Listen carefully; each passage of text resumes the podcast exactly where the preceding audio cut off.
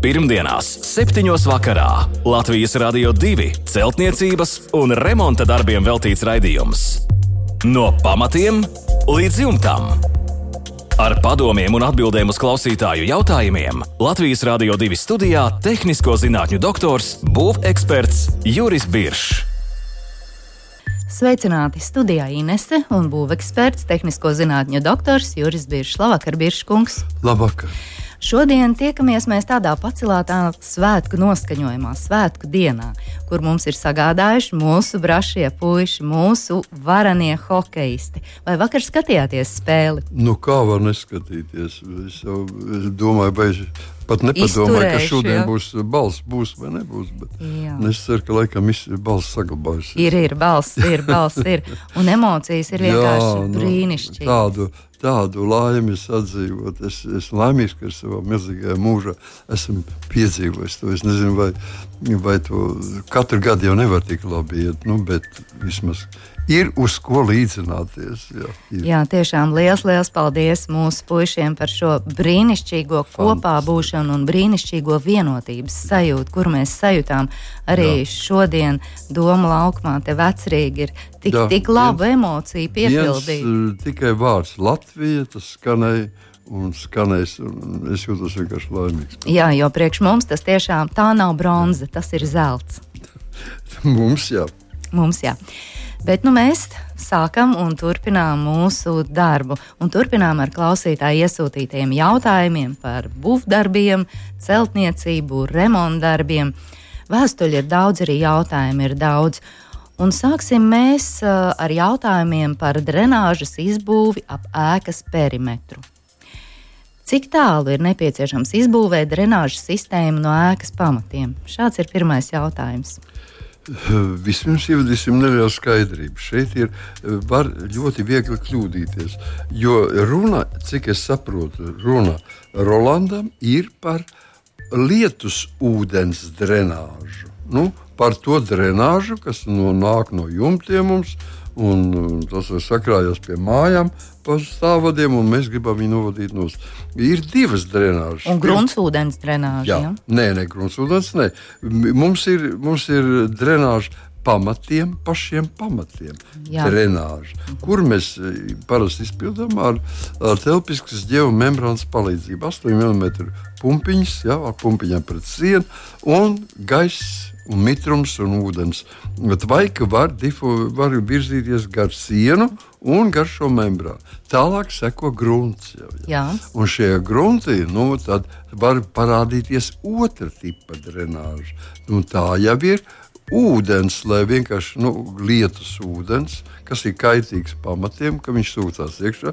Šai gadījumā viņš netiek, tur membrāna priekšā, bet viņš tur skrājas. Tas nav labi. Viņš izsauc daži, dažādi citas deformācijas. Nu, to arī vajag aizvadīt. Jā, to vajag prom. Un tāpēc mēs veidojam lietus ūdens drenāžu.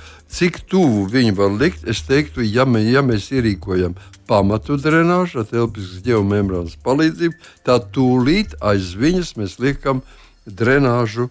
Nu, lietas ūdens drenāžu, kuru izpildu parasti 80, es ieteiktu 100 mm diametra plasmasas caurulis ar caurumiņiem. Mm -hmm. Ar vislabākais nevis ar apaļiem caurumiem, bet ar tādiem nu, tā kā pusmēnesis, tādi, tādiem, tādām šķirbiņām, pusmēnesis formā. Tie vismazāk aizsērē, un tāpēc viņiem vienkār, vienkāršāk ir efekts lielāks. Efekts jā. lielāks iekšā, jā. Un tā tad viņi tiek ierakti ne tik dziļi, kā to mēs darām pie pamatu drenāžas, bet viņi nu, teiksim, 60, 70 centimetri. Nu, mēs cenšamies tā, lai viņi nu, pie vārgiem ziemā viņi nes, nestrādā, bet viņi domāti tiešām tikai tad, kad mums ir lietas. Lietas ūdens, jā. jā. Un tāpēc mhm. viņus dziļāk par 60, 70 vai 80 centimetriem nav jēga iedziļināt. Lūk, viņu mēs arī Mm -hmm. Saucam par to otru drenāžu. Īstenībā viņas jābūt divām šīm pamatu drenāžu un lietas ūdens drenāžu. Jā. Un jautājums nākamais ir šāds: kādas frakcijas šķembas vai oļus labāk izmantot, izbūvējot šo drenāžu sistēmu? Nu, rupjas bez šaubām, ne, šeit, šeit ir runa tikai par šķembām.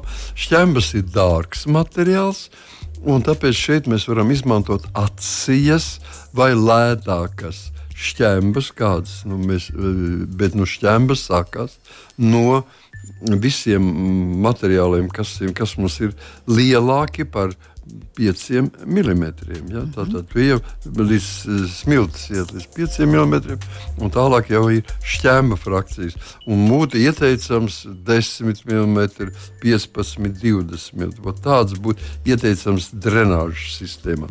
Lai nebūtu jā, jā, jāiegādājas ļoti dārgas, dekoratīvas arī šīs dižakmeņu, teiksim, granīta vai bazalta šķēmas ļoti bieži izmanto, un tas ir pamatoti, izmanto keramzīti. Tas arī padārgs, bet šajā gadījumā viņš ir lētāks kā dabiskais. Nu, kā granīta šķēmas. Jā, kā granīta šķēmas, un tāpēc mēs izmantojam keramzīti graudus ar frakciju. Nu, 10, 20 mm.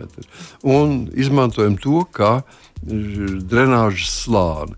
Ļoti bieži mēs ierīkojam vispirms pamatu drenāžu, pēc tam mēs veidojam it kā 10 cm atejam, atejam nos, mēs veidojam mm, to, to uh, spraugu, kurā mēs ieguldām iekšā tādā, tādā plasmasas drenāžu un uh, piepildām viņu ar keramzītu, lai nebūtu tas dārgais keramzīts.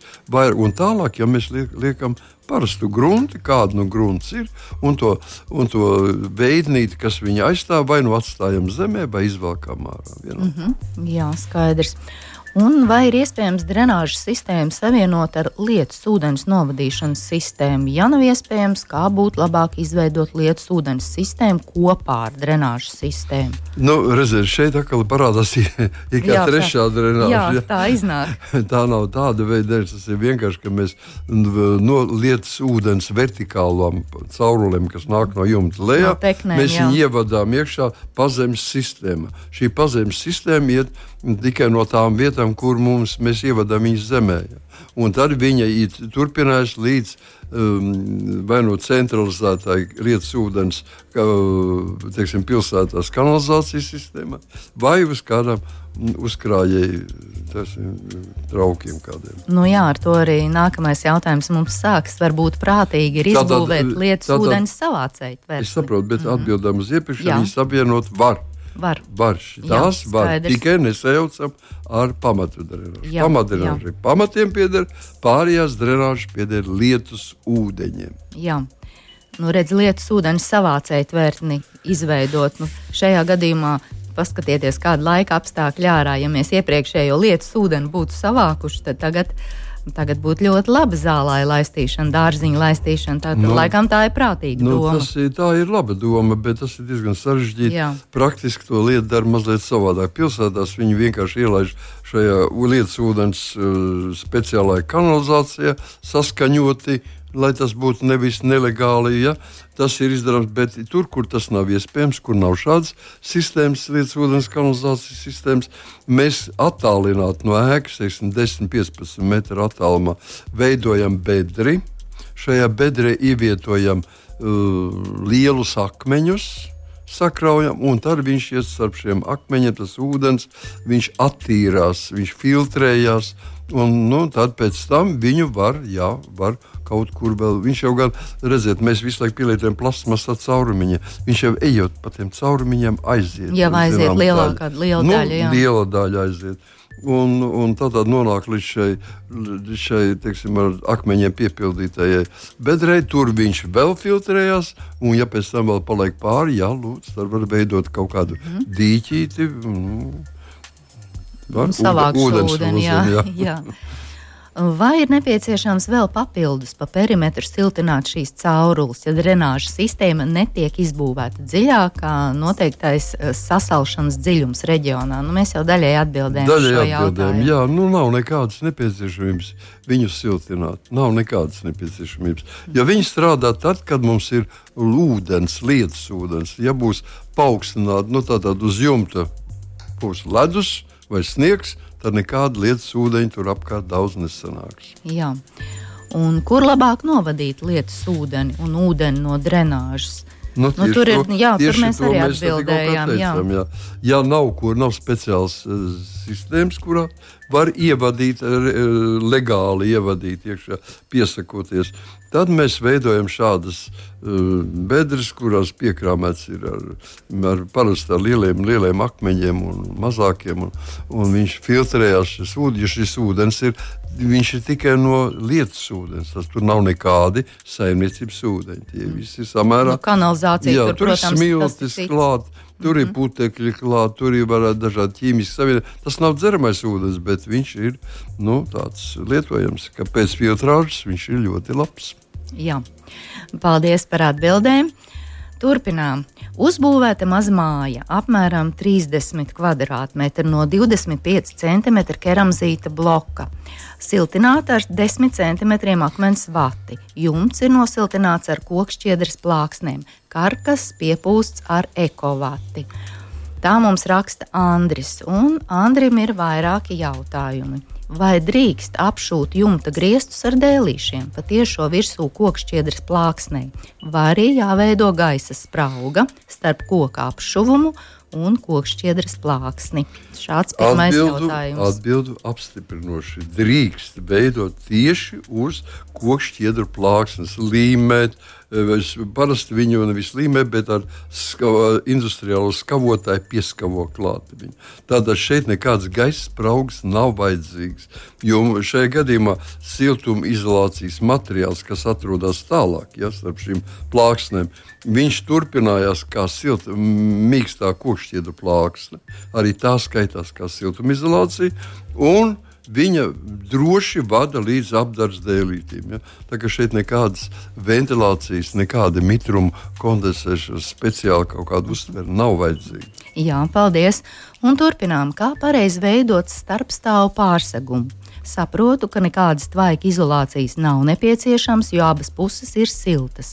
Doma ir no apakšas pie lāgām skrūvēt kokšķiedras plāksni, tad starp lāgām aizpildīt ar akmens vati, jo šis materiāls jau ir iegādāts, virsū tieši uz lāgām skrūvēt grīdas dēļus. Vai var skrūvēt apdars dēļus pat tiešo virsū kokšķiedras plāksnēm, vai arī šeit būtu jāveido gaisa sprauga? Nē, arī šeit ir tā pilnīgi tas pats, kas bija iepriekš. Ja? Tātad mums ir stāv pārsegums, kas atrodas starp pirmo stāvu un otro stāvu. Pilnīgi pareizi. Tātad viņš atrodas abās pusēs, ir silts. Abās pusēs mēs, mēs varam starpā likt jebkuru materiālu. Šai gadījumā viņš nekondensēs. Nebūs jābaidās, ka tur jāliek ir, teiksim, kaut kāda koka mm, bāzes siltumizolācijas materiāla. Var likt minerālu vati, viņa nekondensēs šajā gadījumā, jo temperatūra abās pusēs ir vienāda. Pirmdienās, 7. vakarā Latvijas Rādio 2 celtniecības un remonta darbiem veltīts raidījums.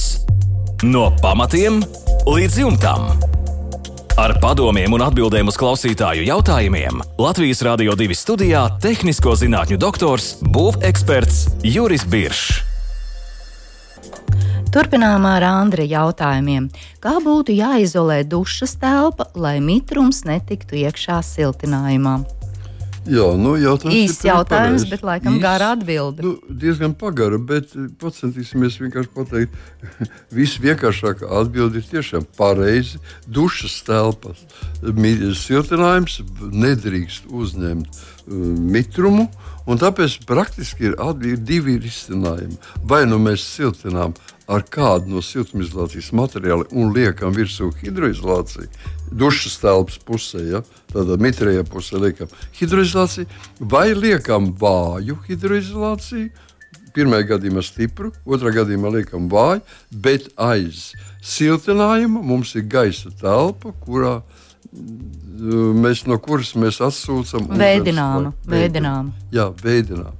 Tātad ar gaisa telpu 10 cm vai 50 mm vienalga biezuma, kur, kurai pieslēgts ir, ir ventilators, kas strādā uz mitruma sensoru palīdzību. Un tātad pie 70 grādu mitruma viņš sāk atsūknēt. Ja. Mhm. Nu, tad mēs varam lūdzu atļauties arī dušas telpa, lai, jo galvenais ir ne jau dušas telpas šis siltinājuma materiāls, bet lai telpa, siena, pamats siena netiktu bojāta. Mhm. Tā tad ir divi varianti, kurus īstenojot. Jā, nu tā tad, ja tas nav iespējams, kā atdalīties ar, ar gaisa spraugu, vēl riņķi, teiksim, pa perimetru, tādā gadījumā mēs vienkārši siltinām, nu, man spēc kaut vai ar, ar akmens vati, bet, jeb ar putu polistirolu, bet virsū liekam spēcīgu hidroizolāciju. Jā. Nu, parasti uh, šķidro membrānu izvēlās kaut kādu. Mm -hmm. Jā, paldies. Un nākamais jautājums. Kā pareizi veidot siltinājumu lāvas telpā un kāds būtu pareizais lāvas telpas griestu augstums?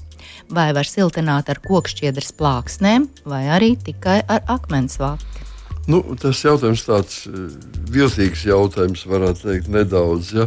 Tātad lāvas telpā mums jāsaprot, ir sekojuši. Mums ir konstrukcija, vienalga kāda mums ir konstrukcija. Labāk, ja viņi no sīk blokiem, no ķieģeļiem, nevis no koka, jo gala galā pirts vienmēr saistās ar domām par ugunsgrēku. Ja?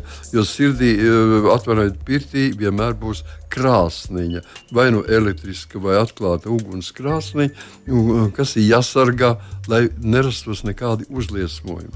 Un tātad šo karkasas sienu mēs siltinām no iekšpuses ar Nu, parasti to dara ar akmensvati, kas ir pati par sevi nedegoša un ekonomiska. Ja mēs gribam siltināt noteikti ar, ar um, kokšķiedes plāksnēm, lūdzu, bet tikai tas iznāks, iznāks dārgāk. Un vairāk riskanti. Ja? Jo teiksim, tajās vietās, kur ir caurules, kur ir savienojumi tuvāk, kur atrodas tuvāk zonā pie krāsniņām, tur teiksim, mums akmens vatēja priekšrocības salīdzinot ar degošiem materiāliem. Mm -hmm. Jā, un Jā, un arī griezta augstums. Griezta augstums, griezta augstums noteikti tomēr subjektīvi īpašnieka gribēšana, cik plauktus mēs taisām, cik augstu mēs gribam iet un kādus karstumus mēs gribam dabūt. Zinot, ka visaugstākajā vietā būs ļoti liela karstuma. Ja? Tas ir viens. Un tātad, kad mums iztaisīs šis siltinājums, ir, kā jūs teicat, tad mēs viņu nosacām no sirds, no pirts puses. Mēs nosacām viņu ar foliju, ar metāla foliju, kas pilnībā liedz iespēju mitrumam iesūkties šajā akmens vatē vai, vai teiksim, mm, košķieru plāksnēs, vienalga. Bet eh, pret, eh, pret ugunsgrēku viņš neaizsargā, bet tikai pret mitrumu. Un tad, kad ir šīs telpa ir spoža, viņa ir noklāta, viss izlīmēta, noklāta ar, ar eh, spožu metāla foliju, tad mēs veidojam 5 cm biezu gaisa slāni. Tas nozīmē, ka mēs veidojam vertikālas latas, 5 cm gaisa slāni, kuru tagad no aizklās no, no pirts puses, no klāvas puses dekoratīvais materiāls. Apšuvums tāds, apšuvums, jā. jā. Mm -hmm. Un šis apšuvums būs 5 līdz 7 cm virs grīdas līmeņa. Ja? Viss siltinājums, viss iet līdz pašai grīdai, bet Tas, šis jā. ir pats. Tā kā gaiss ieplūstot, kā smagāks svaigais gaiss, mm -hmm. ieplūstot, tad dodas uz šo, uz šo gaisa spraugu un ceļās uz augšu. Jā, gaisa apmaiņa, ventilācija. Tieši tā, notiek, un jā. augšā, jā, augšā ir ventilators, kas mm -hmm. viņu velk. Jā. Kuru var regulēt? Jā, tātad. jā, paldies par atbildi Andrim. No pamatiem līdz jumtam. Aivaram ir jautājums par pamata bitumena hidroizolāciju no ārpuses. Un Aivars raksta, viens stāv privāta māja bez pagraba, lentveida betona pamati, 1,35 metri pildīta ar smilti, ieklāta plēve, 5 cm putu plasts, ūdens vadi, 5 cm puta plasts, atstarojošā folija plēve, silto grīdu caurulis visā grīdas platumā, 7 cm eštrihta, atkal plēve, amortizācijas apakšklājs un lamināts. Virs betona augšējās joslas pa perimetru hidroizolācijas materiāls, tad koka karka sēka. Nu, gribas pajautāt, vai šeit viss ir pareizi, kā izskatās? Pareizi izskatās. Vienīgais varbūt tas es uh, vērst uzmanību, ka nu, nevajadzētu būt tik eh, knauzerīgiem un lietot astarojušo foliju plēvi. Jūs saprotat, folija astarojušies materiāls sāk strādāt tikai pie apmēram plus 40 grādiem. Liek tēriņš. Tas ir liekas tēriņš. Viņš ļoti ātri bojājās, ka šī, šī astarojušā daļa būtu pirmkārt, ja betons ir ļoti ātri sēdi. Bet uh, liek, likt viņu var, es neredzu nekādu ļoti liela pamatojuma, ka viņam vajadzētu būt. Tas nav nepareizi, bet tas ir izšķērdīgi. Nu, bez tā varēja arī iztikt. Jā, tā varētu tā. teikt. Un tālāk turpināja vairs pamati no ārpuses tiek apmērēti ar bitumena mastiku 50 cm platā joslā. Tad siltināti ar ekstrudēto putu plastu 2 cm biezumā. Un jautājums ir šāds: vai ir vajadzīga šī bitumena mastikas apmērēšana pamatiem no ārpuses, vai tā ko dod, un vai to jau nepilda putu plasta siltinājuma slānis. Jā, jautājums ir ļoti interesants un, un, un diskutabls. Un ļoti daudz speciālistu būs dažādās, no, no, dažādās nometnes pusēs. Es no savas puses apšaubāmam tieši tāpat, kā to dara mūsu jautājumu uzdevi, uz, uzdevējs, es apšaubu nepieciešamību. Jo stāties priekšā mums ir mitrums, tātad mēs apakšā zem pamatiem nekādas uh, hidroizolācijas neveidojam. Labākā gadījumā mēs ņemam mitruma, ru, mitruma barjeru, uzliekam, lai teiksim, betons neiesūktos uh, šķembās iekšā un lai tā šķidrā frakcija paliktu. Mēs uzliekam tur ruberu steroidu vai kaut kādu plāņu veidu materiālu. Tas ir vienīgais, bet ne visi pārējie mitrumi liet iet iekšā šajā izgatavotajā betona pamatā un ceļās uz augšu. Un tā viņi aiziet līdz pašai horizontālajai hidroizolācijai. Un smērēt gar malām šīs eh, bitumēna mastiku nenozīmē, jo mēs smērējam tikai ārpusē. Mēs esam iekšpusē, nesmērējam. Kāpēc ūdenim jālien iekšā, jāpiet riņķi un, un no ārpuses jāmēģina tikt iekšā uz smēratam, ja viņš no otras puses var iet bez. Tāpat tas ir droši iekšā. Tādā tam nav nekāda pamatojuma. Ja tur ļoti grūti būtu aizstāvēt, tas ir vienkārši tradīcija, ko mēs izpildām. Tā ir tāda, tāda nu, tā, saka, nodeva, ko maksājam laikam par gadu desmitos uzkrāto. Nu, tā viss ir darījuši, tā ir darījuši mēs darām. Jā. Jā, es arī principi. bieži, kad es prasu cilvēkiem, kas dara šo darbu, viņi saka, nu, nejauc galvu. Nu, tā ir pieņemts, un es tā gribu darīt. Un es smērēšu. Jā, cauri. jā un es smērēšu. Nu, viņš smērē, tur nekā nevar darīt. Mums taisnība otrādi. Mums, ne, mums ir ārpusē nevis jāsmērē bitumi mastika, bet jāveido ir drenāža, pamatu drenāža. Šoreiz nevis tā plasmas caurule, bet jāliek ir telpiskā geomembrāna ar pumpiņām, 8 mm pumpiņām pret betonu. Un tagad viss šis parādīsies otrādi. Tur veidojas vilkme, vairāku nedēļu laikā izveidojas vilkme, kura nāk no, no grunts, tātad pie pamata pēdas izveidotā drenāža, viņi ceļās uz augšu, un gaiss un ūdens tvaiki iziet līdz pašai nu, zemes virsmai. Ja? Un ejot uh, dienu un nakti, ziemu un vasaru, nekad ne, nepārtrūkstot šai plūsmai, izveidojas ežekcijas princips, kurš velk ārā no betona mitruma. Lūk, lūk, ja jūs iztaisiet drenāžu, tad jūs varat žāvēt savu betonu. Kurš velk no apakšas to mitrumu, viņš aiziet līdz pašai horizontālajai hidroizolācijai, un tur laužās iekšā mūsu dzīvoklī. Mēs varam viņu samazināt, mēs varam viņu novirzīt uz ārpusi, un viņš pamazām iziet. Tas nozīmē, ka mēs vienkārši atslogojam savus mm. pamatus. Mums nevajag likt tā, kā agrāk lika ļoti daudz mitruma barjeras starp, starp ieģeļiem, ik pa metram lika virsū, lai samazinātu šo mitrumu. Šodien mēs ar ārēju šo drenāžu mēs tiekam no visām. Nu jā, piedāvājam mitrumam jā. citu ceļu. Pilnīgi pareizi. Un tas to pieņem. Pilnīgi pareizi. Tāpēc nevajag Latvijas apstākļiem individuālās mājas. Es saprotu mājas, kuras ir pazemes garāžas. Kur nepieciešams ir ļoti spēcīgs hidroizolācijas, bet individuālā būvniecībā es nekur neesmu redzējis vēl nevienu māju, kurai būtu vajadzīgas šīs milzīgas, spēcīgās, pasaulē slavenās hidroizolācijas. Mums pilnīgi pietiek ar drenāžu. Tas nozīmē ar, ar ruļveida šo membrānu, 8 mm pumpiņām, kas maksā no kaut kur eiro par vienu kvadrātmetru. Ar to pilnīgi mums pietiek, lai nodrošinātu. Un viss notiek. Jā, un viss notiek. Dabā vienmēr ir. Nevajag cīnīties ar dabas spēkiem, vajag vienkārši viņus izmantot, ļaut viņiem iet tur, kur viņi grib, bet kas mums nemājas. Sadzīvot, tā Jā, loģiski sadzīvot. Un redzēja, varam vēl viens papildu jautājums. Vai maz ko dod šāda ārējā pamatu hidroizolācija, ja visa pamatu konstrukcija netiek hidroizolēta? Nu, proti, vai tādā gadījumā nevajadzētu hidroizolēt arī būvbedri? Pilnīgi taisnība. Ja? Pilnīgi mans domas. Par to ne mazāko šaubu, kad uh, vienkārši ir ja mazliet jāiedziļinās būvfizikas likumos, un tā lieta paliek paliek skaidra vienkārši, kāpēc tas tā notiek. Mēs tātad vēlreiz izējām ļoti ātri cauri. Tātad mums ir izrakta būvbedra, mums ir izveidota pēda, zem pēdas mēs paliekam mitruma barjeru. Tātad, teiksim, papi vai ruberoidu uzklājam un uz viņas tātad ir šis stiegrojums piepacelts un mēs ielējam pēdu. Tātad betons tiek saglabāts, nekādas sīkās daļas neieplūst gruntī, neieplūst mm, šķembās.